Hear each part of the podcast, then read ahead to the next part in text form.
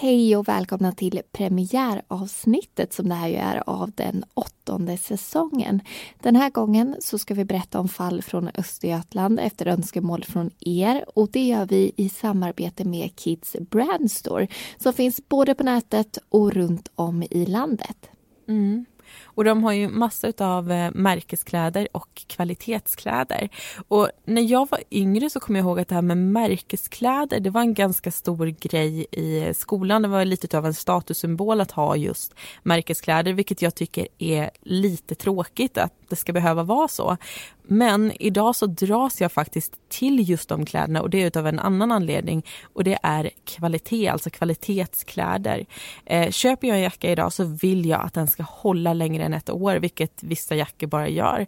Jag vill att den ska hålla i flera år. Om den håller i tio år så är jag jätte, jättenöjd. Och jag är inte heller sådär modestyrd utan jag kör efter ganska klassiska modeller så det här med kvalitetskläder passar mig faktiskt jättebra. Och vill du som lyssnar ha en bra deal på just kvalitetsmode så tycker jag att du ska surfa in på kidsbrandstore.se och ange rabattkoden Modepodden. Hela 20% får du då på ett helt köp. Så trots att det är fina märken och bra kvalitet som kostar lite mer så får du det till ett väldigt bra pris. Men nu så ska vi höra på premiäravsnittet.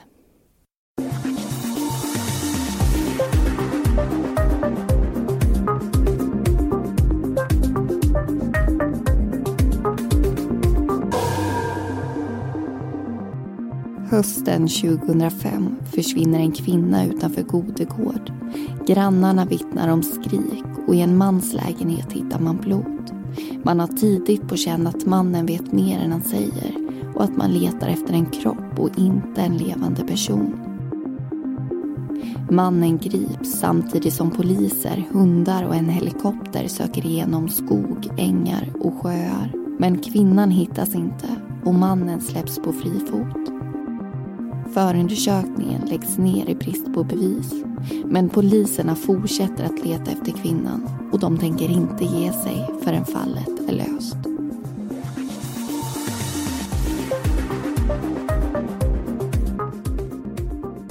Du lyssnar på Mordpodden och i säsong 8 tar vi upp fall från Östergötland. I veckans avsnitt ska du föra berättelsen om Lugnet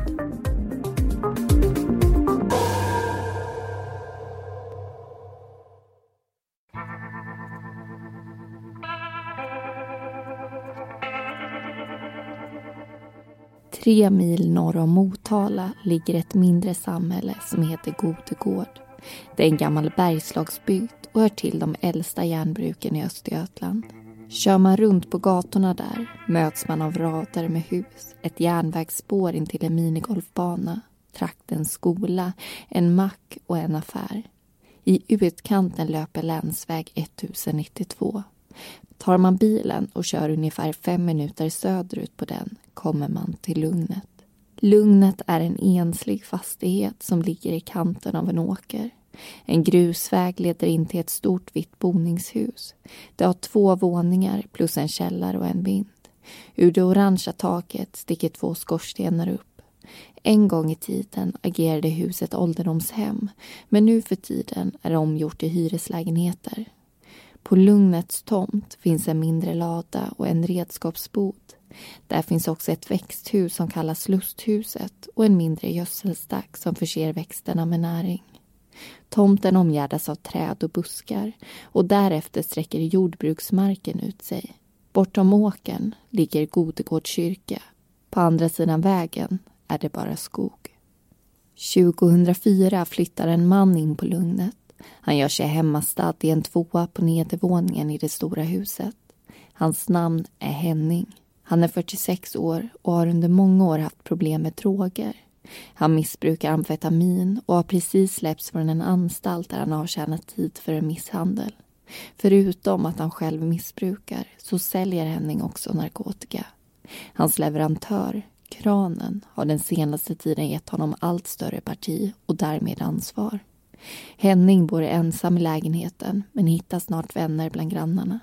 Någon gång i början av 2000-talet träffar Henning en kvinna som heter Gerd.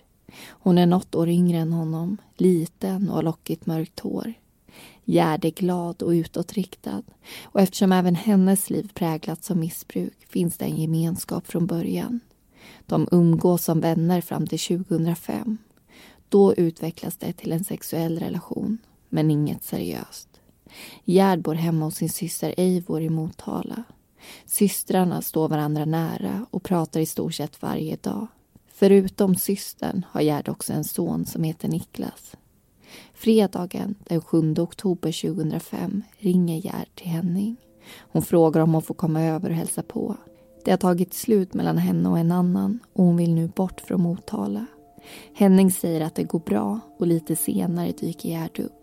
De tillbringar fredagskvällen inomhus och tar amfetamin. Under lördagen kommer fastighetsägaren ut till lugnet. Henning hjälper honom under dagen att lasta av lite material från en lastbil. Kvällen tillbringar Henning och Gerd som middagsgäster hos ett annat par på Lugnet. Utomhus har det börjat mörkna men inomhus är det ljust och råder god stämning. Helgen och veckan därpå passerar utan att Gerd återvänder till Motala. Eivor försöker få tag i sin syster på telefon men får inget svar. Gerd har tidigare bott över hos Henning, vilket inte är några konstigheter. Men när pensionen kommer in på Gerds konto och hon inte hämtar ut den blir Eivor orolig.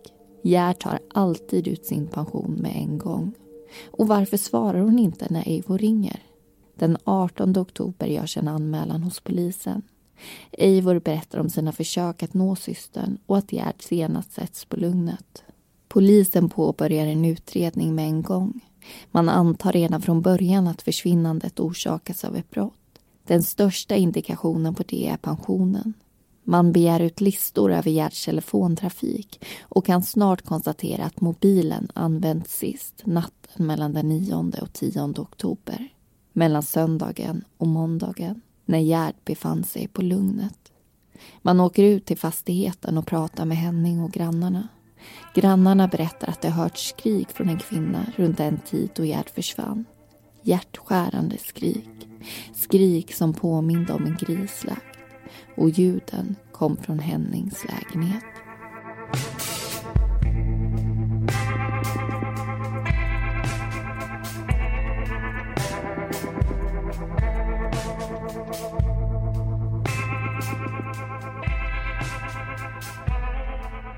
Där hörde vi alltså om polisutredningen som drog igång efter Gerds försvinnande och också om de här skriken som polisen får reda på väldigt tidigt. Eh, de här skriken i sin tur, de stärker ju misstankarna om att det är ett brott som har begåtts, vilket man också har misstänkt från början. Och det gör ju också att lugnet, den här fastigheten där Gerd försvinner ifrån, att det blir fokuset för sökinsatserna. Och när man genomförde de här eftersökningarna av Gerd så använde man värmekameror som alltså sitter på en helikopter som åker över området. Och värmekameror, man hör ju nästan det på namnet, de känner alltså av värmesignaturer. Och det här gör att de kan urskilja vad som är djur och människor och vad som är terräng och vad som är byggnader till exempel. Och det kan också användas för att hitta cannabisodlingar eftersom man använder värmelampor när man odlar det. Och värmekameror kan faktiskt också användas för att hitta kroppar. Eh, och då kan man ju fråga sig, är inte kroppar kalla? Och på det så kan man svara både ja och eh, nej. För det är nämligen som så att efter att en person har dött, då börjar kroppstemperaturen att sjunka. Eh, och den sjunker under ett antal timmar och beroende på omgivning, på temperatur i luften och andra förhållanden så är man oftast kall inom eller efter 12 timmar. Och samtidigt som den här processen pågår, att man svalnar, så finns det också någonting som heter likstelhet som kommer och som går. Och den processen den börjar när en person dör, men man känner oftast inte av den förrän efter ett par timmar. Och 36 timmar efter att någon har dött, då är den oftast helt borta. Men istället för likstillheten så är det någonting annat som tilltar och det är förruttnelseprocessen. Och det är just förruttnelseprocessen som Head over to Hulu this March, where our new shows and movies will keep you streaming all month long. Catch the acclaimed movie All of Us Strangers, starring Paul Mescal and Andrew Scott. Stream the new Hulu original limited series We Were the Lucky Ones with Joey King and Logan Lerman. And don't forget about Grey's Anatomy. Every Grey's episode ever is now streaming on Hulu. So, what are you waiting for? Go stream something new on Hulu. A lot can happen in three years, like a chatbot may be your new best friend. But what won't change? Needing health insurance. United Healthcare Tri Term Medical Plans, underwritten by Golden Rule Insurance Company, offer flexible, budget friendly coverage that lasts nearly three years in some states. Learn more at uh1.com. faktiskt avger värme och det är någonting som man alltså kan plocka upp på de här kamerorna om man har tur. Och utredarna har ju såklart stenkoll på det här så de vet hur viktigt det är att göra den här typen av sökning så fort som möjligt. För den här förruttnelseprocessen den varar inte hur länge som helst och avger inte heller värme hur länge som helst. Så man har alltså ett kort tidsfönster att jobba efter. Och om det är så att polisen hittar något eller om de inte gör det, det ska vi föra i berättelse 2. Men först så ska vi prata lite om amfetamin, alltså den här drogen som både Henning och som Gerd missbrukar och som Henning också faktiskt säljer.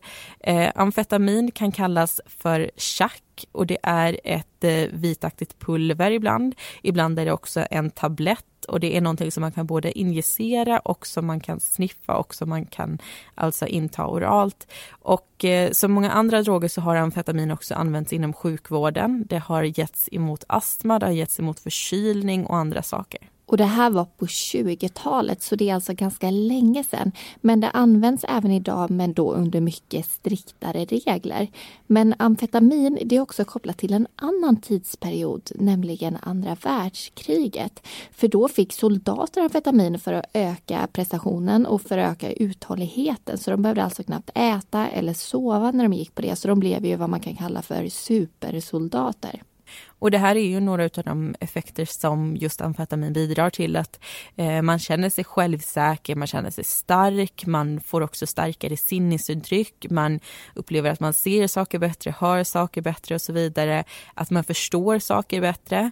Hämningar försvinner lite under eh, användandet av amfetamin. Och sen är det det här med sömn och matbehov som du nämnde. Eh, det är behov som helt enkelt inte känns av på samma sätt som eh, när man inte går på amfetamin. Så missbruk missbrukare de brukar ta amfetamin i flera dagar och då äter de inte och de sover inte utan de bara tar amfetamin. Eh, och sen så sover de längre perioder efter det för att helt enkelt ta igen kroppen. För även om man kan skapa supersoldater med just den här drogen så behöver ju kroppen sin vila också.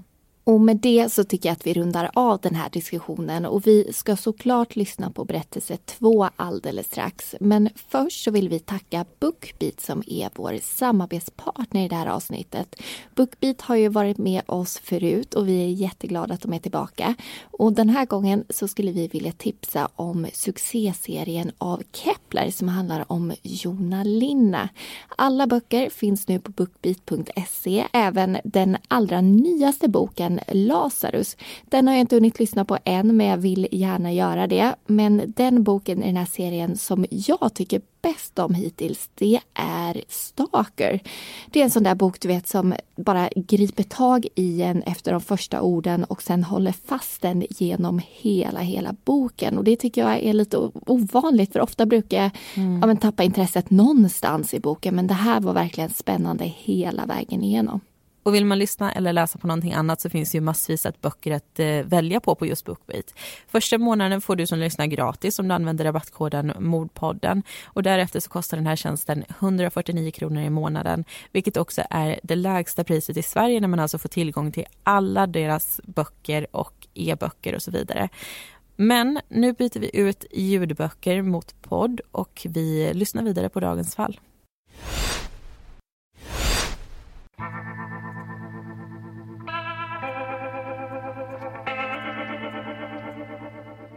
Fredagen den 21 oktober 2005 anhålls Henning. I medier förklarar polisen att det finns en tydlig motivbild gällande honom. Men av utredningstekniska skäl kan de inte gå in på det närmare än så. Henning förhörs, men säger inte mycket.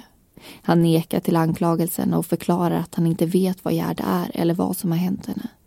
Under helgen utförs en brottsplatsundersökning ute på Lugnet. Hennings lägenhet gås igenom av kriminaltekniker och hundar söker ute på tomten. När de fyrbenta medarbetarna plockas in i lägenheten markerar de. Man hittar blod och skickar iväg det på analys. Det är Gerds blod. Även innan man får svar på blodanalysen förstår man att något har hänt i Hennings lägenhet.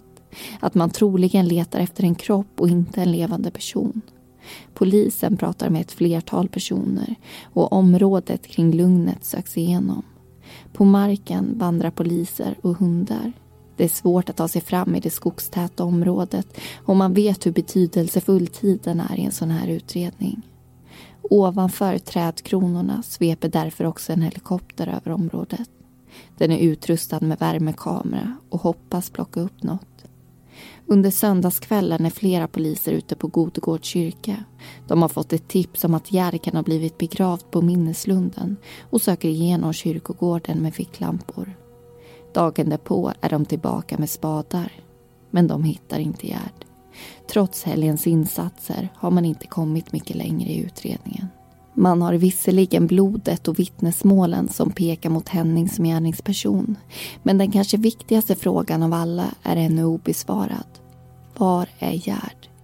Under tisdagen häktas Henning som skäligen misstänkt. Den lägre misstankesgraden.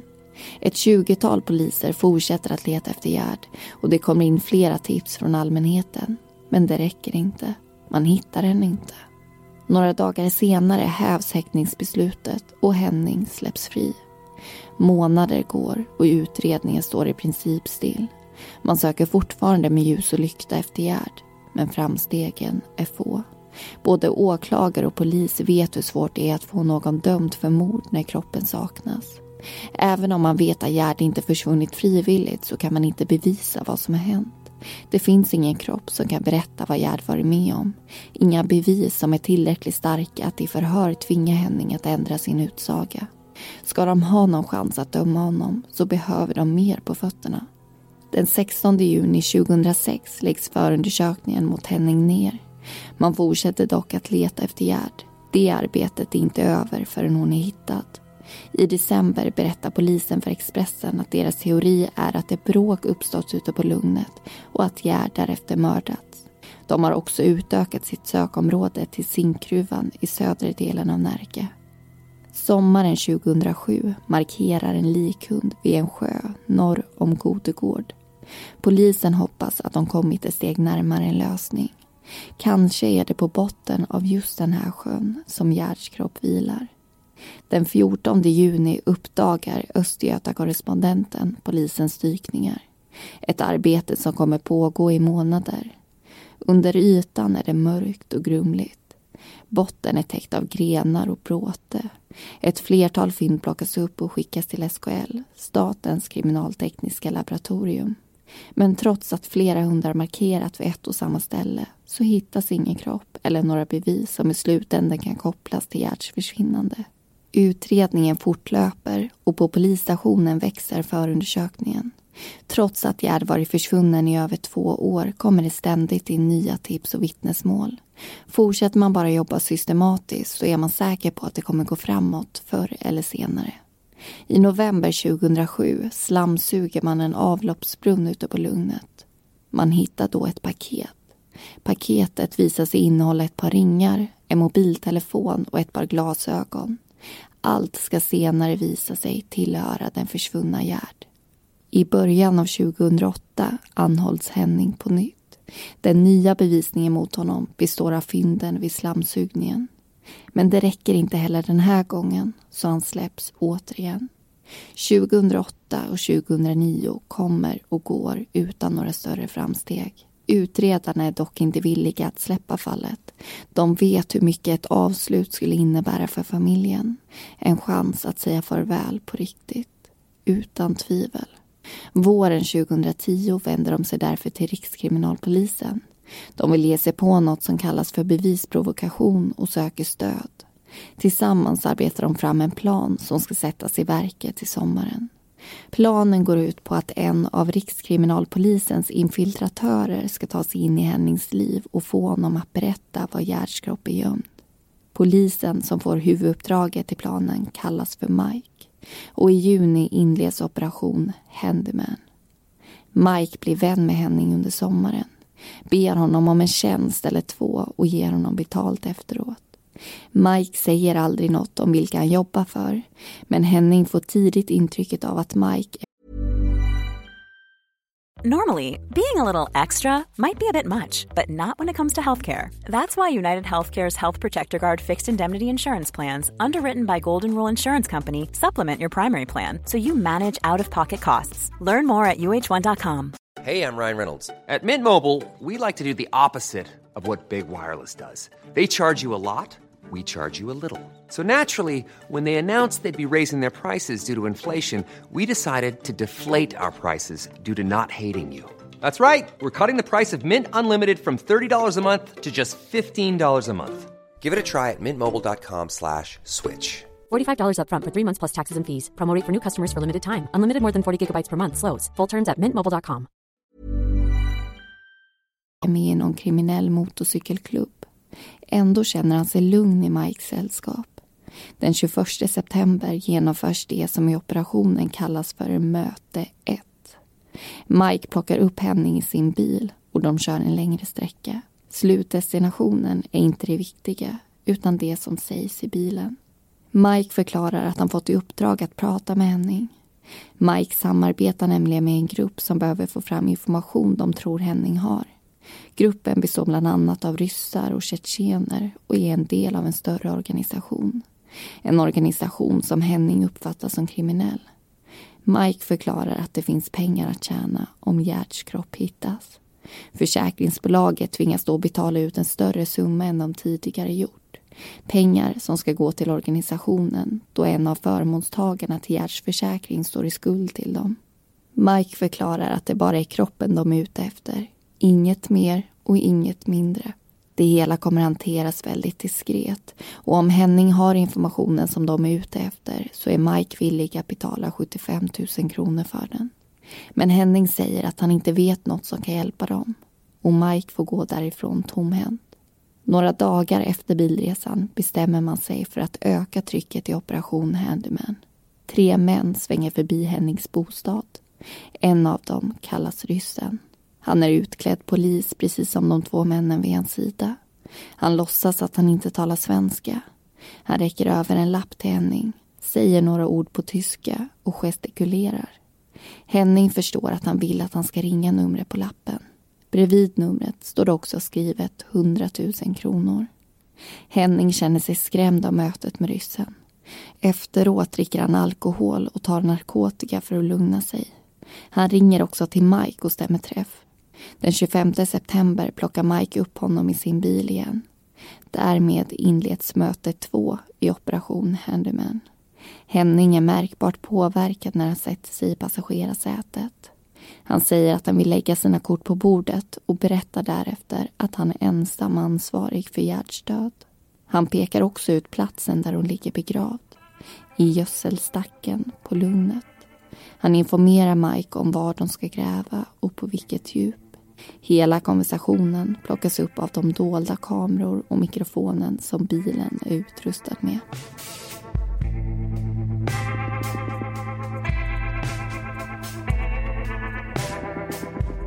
Du lyssnar på Mordpodden, en podcast om den mörka verkligheten. I säsong 8 berättar vi om fall från Östergötland.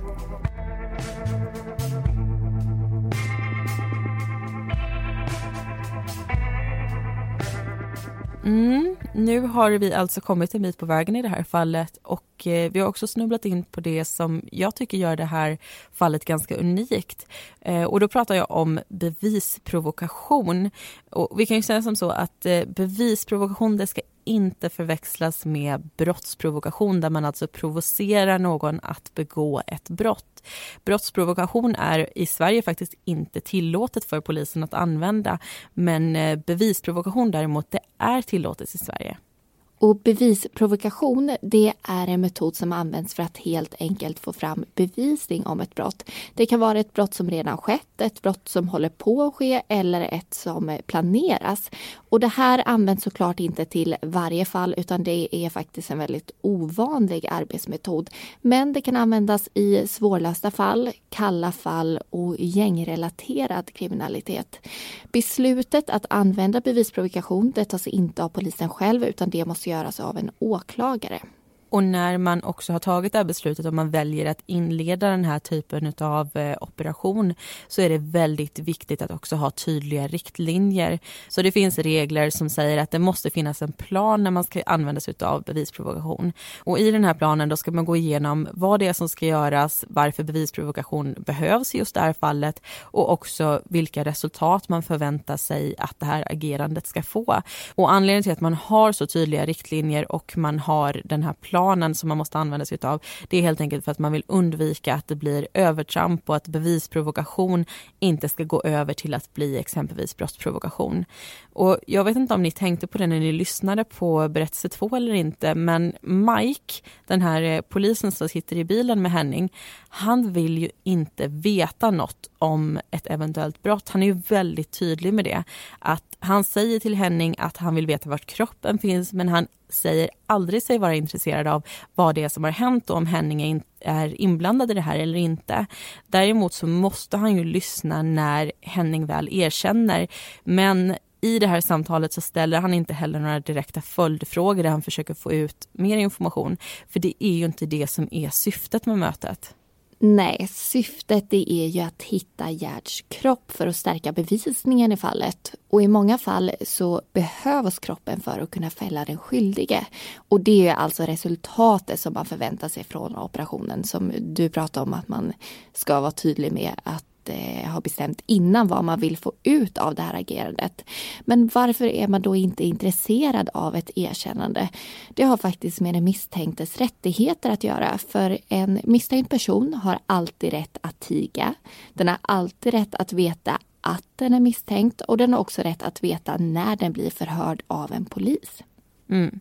Så även om vi som vi pratade om har de här tydliga riktlinjerna så kan ju faktiskt en bevisprovokation leda till att eh, man kränker den misstänktas rättigheter. Och det är ju faktiskt ingenting som man kan sitta i bilen och föra fram just där och då att förresten just nu så förhörs du av en polis och allt du säger det kan komma att tas upp i ett svenskt rättsväsende. Och då kanske man kan fråga sig hur det här påverkar dagens fall, att man kanske gör just den här kränkningen. Eh, det ska vi berätta om i berättelse 3. Men anledningen till att vi tar upp det just nu det är för att vi vill skapa förståelse kring det här, berätta hur eh, bevisprovokation fungerar och just också vart de här gränserna går. Och i både tingsrätten och hovrätten så tar man faktiskt upp det här med bevisprovokation och man tar också upp referensfall för att eh, bevisa varför man dömer som man dömer i de olika instanserna. Eh, och vi kan ju avslöja som så att man gör olika bedömningar gällande konsekvenserna utav det här agerandet i tingsrätten och i hovrätten. Men vad det är ska vi höra på sen. Eh, de här rättigheterna dock som vi pratade om gällande just förhör, de grundas ju faktiskt i någonting som heter Europakonventionen. Och Europakonventionen kom till efter andra världskriget när tio länder, Sverige var då ett av dem, gick ihop för att skapa Europarådet. Därigenom så tog man fram en konvention för att skydda mänskliga rättigheter och friheter i ett då större omfång och i flera länder. Och i Sverige så gäller det som står i Europakonventionen som lag sedan 1995. Den står till och med över våra egna svenska lagar så vi kan inte skapa en lag som säger emot den. Och det är Europadomstolen som dömer i mål som innebär brott mot det som står skrivet i Europakonventionen. Och med det så tycker jag faktiskt att vi eh, lämnar det här ämnet. Och vi ska nämna lite kort att Eh, den här säsongen som vi faktiskt inleder med dagens avsnitt, den kommer att bli fem avsnitt lång, precis som den förra blev. Eh, och jag vet att flera av er gärna hör på fler avsnitt än så, särskilt eftersom Östergötland är ett ganska stort landskap och att det har hänt en hel del här. Men vi lovar att ha kvar era tips och vi lovar också att försöka klämma in de här fallen som ni tipsar om någonstans lite längre fram. Och med det så tycker jag att vi återgår. Henning har ju faktiskt erkänt och han har också pekat ut platsen där Gerd ligger begravd. Och nu är det ju upp till polisen att se om det stämmer.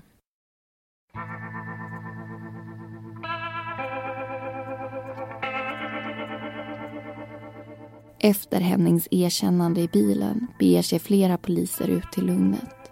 De spärrar av delar av trädgården med polistejp. Närmare bestämt området kring gödselstacken utanför lusthuset. De tar fram spadar och skottkärror och börjar försiktigt gräva. Processen fotodokumenteras. Efter ett par dagars arbete finner man det man letat efter i fem år. Gerds kropp. Inom en timme anhålls Henning. Han delges misstanke men nekar till alla anklagelser. Under eftermiddagen körs kroppen därifrån. Man måste fortfarande identifiera kvarlevorna men vet att chansen är stor att det är Gerd. Polisen hör av sig till hennes anhöriga. De har väntat så länge på ett avslut. Och trots att de blir ledsna av beskedet så känner de sig också lättade. Det är äntligen över. Gerd ska få vila i frid nu på en plats som de valt. Den 4 oktober häktas Henning. Nu på sannolika skäl misstänkt för mord, den högre misstankegraden. Man utför en rättsmedicinsk obduktion och samlar in bevis. Trots att det gått så pass lång tid så har kroppen en del att berätta. Rättsläkaren kan konstatera att Gerd utsatts för trubbigt våld.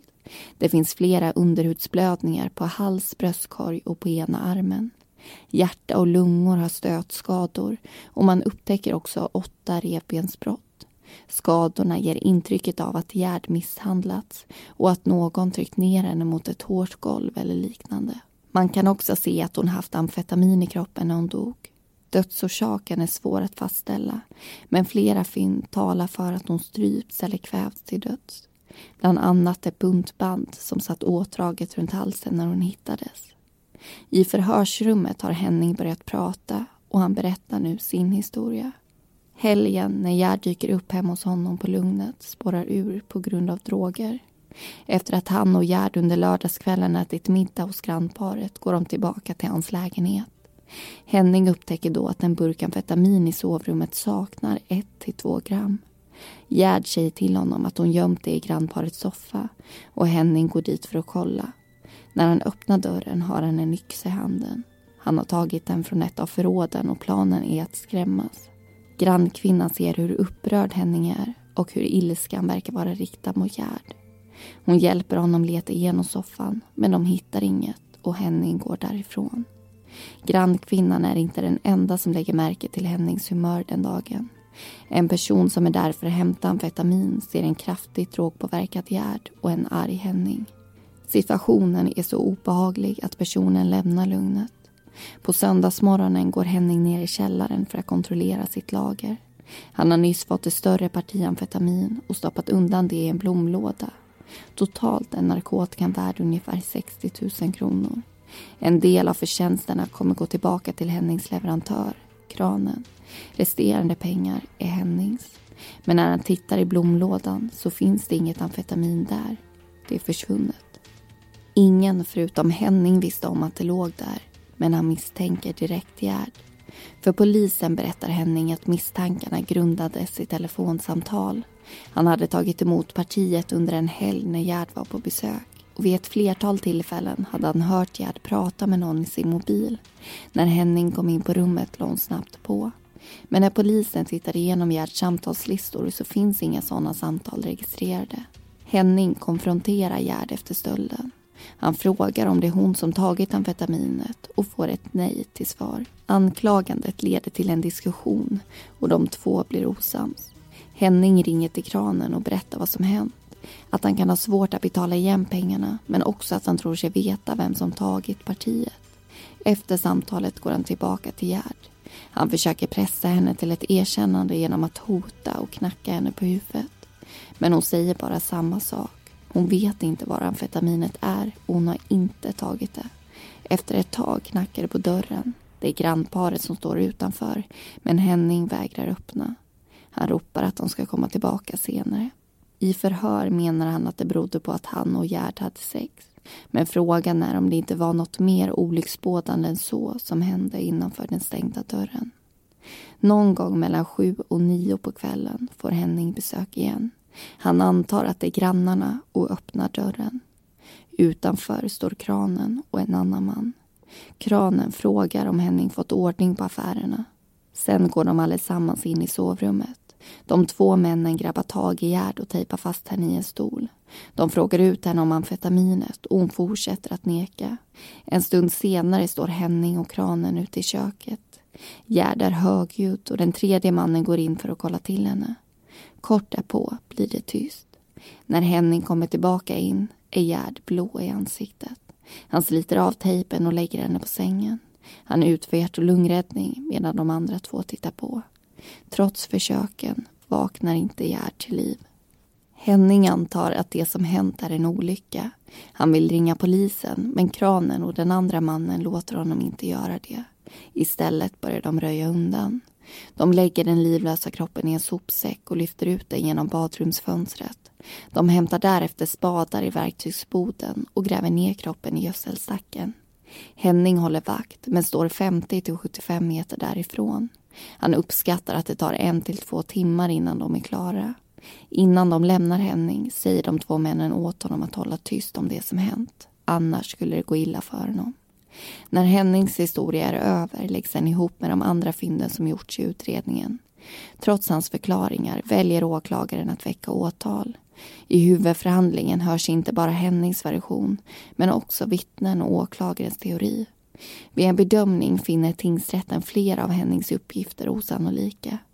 Gerd har utsatts för någon typ av misshandel där flera revben brutits men han som befunnit sig i lägenheten har inte hört det. Skadorna på Gerds hjärta och lungor har Henning ingen förklaring till. Rättsläkaren förklarar att räddningsförsöken inte kan ha gett upphov till dem. Särskilt inte då Gerd ska befunnit sig i en mjuk säng. Vad gäller Hennings berättelse kring kranen och den andra mannen så har man svårt att tro på den då ingen sett eller hört något. Och om de hade varit där, varför hade de då begravt kroppen så nära på en plats där den troligen skulle bli upptäckt inom kort? Särskilt med tanke på att de hade bil. En bil hade däremot inte Henning tillgång till. Och valet av gömställe får därmed en mer logisk förklaring. Henning har dessutom berättat för Mike var i gödselstacken kroppen grävts ner och på vilket djup. Uppgifter som stämt bra överens med vart man funnit den. Om han stått 50 till 75 meter därifrån som han sagt så kunde han inte rimligen ha haft den vetskapen. Försvaret fokuserar mycket på bevisprovokationen.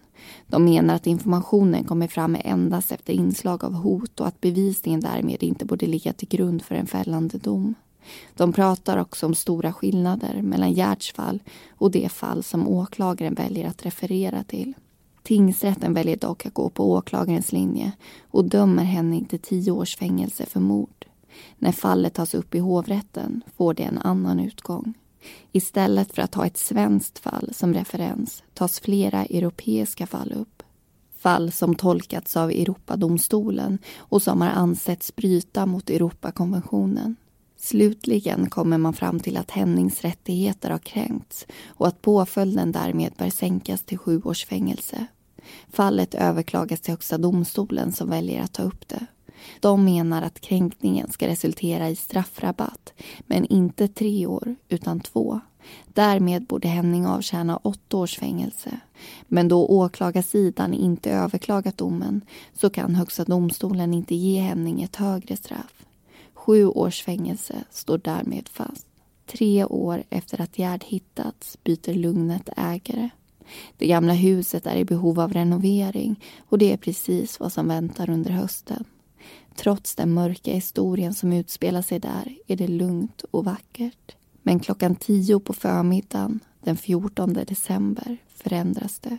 Räddningstjänsten får ett larm och när de kommer dit brinner det för fullt. Det vita huset är klätt i orangea lågor.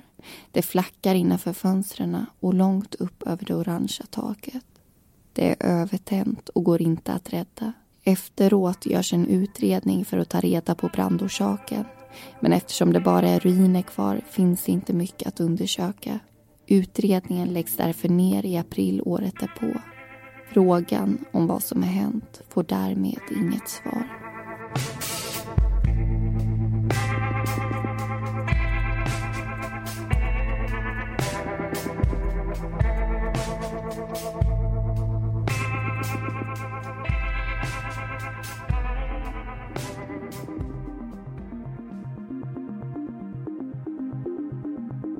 Tack för att du har lyssnat på det här avsnittet. Alla personer heter egentligen något annat och informationen är hämtad ifrån domarna i tingsrätten, hovrätten och Högsta domstolen. Nästa söndag är vi tillbaka precis som vanligt med ett nytt avsnitt, så lyssna gärna då.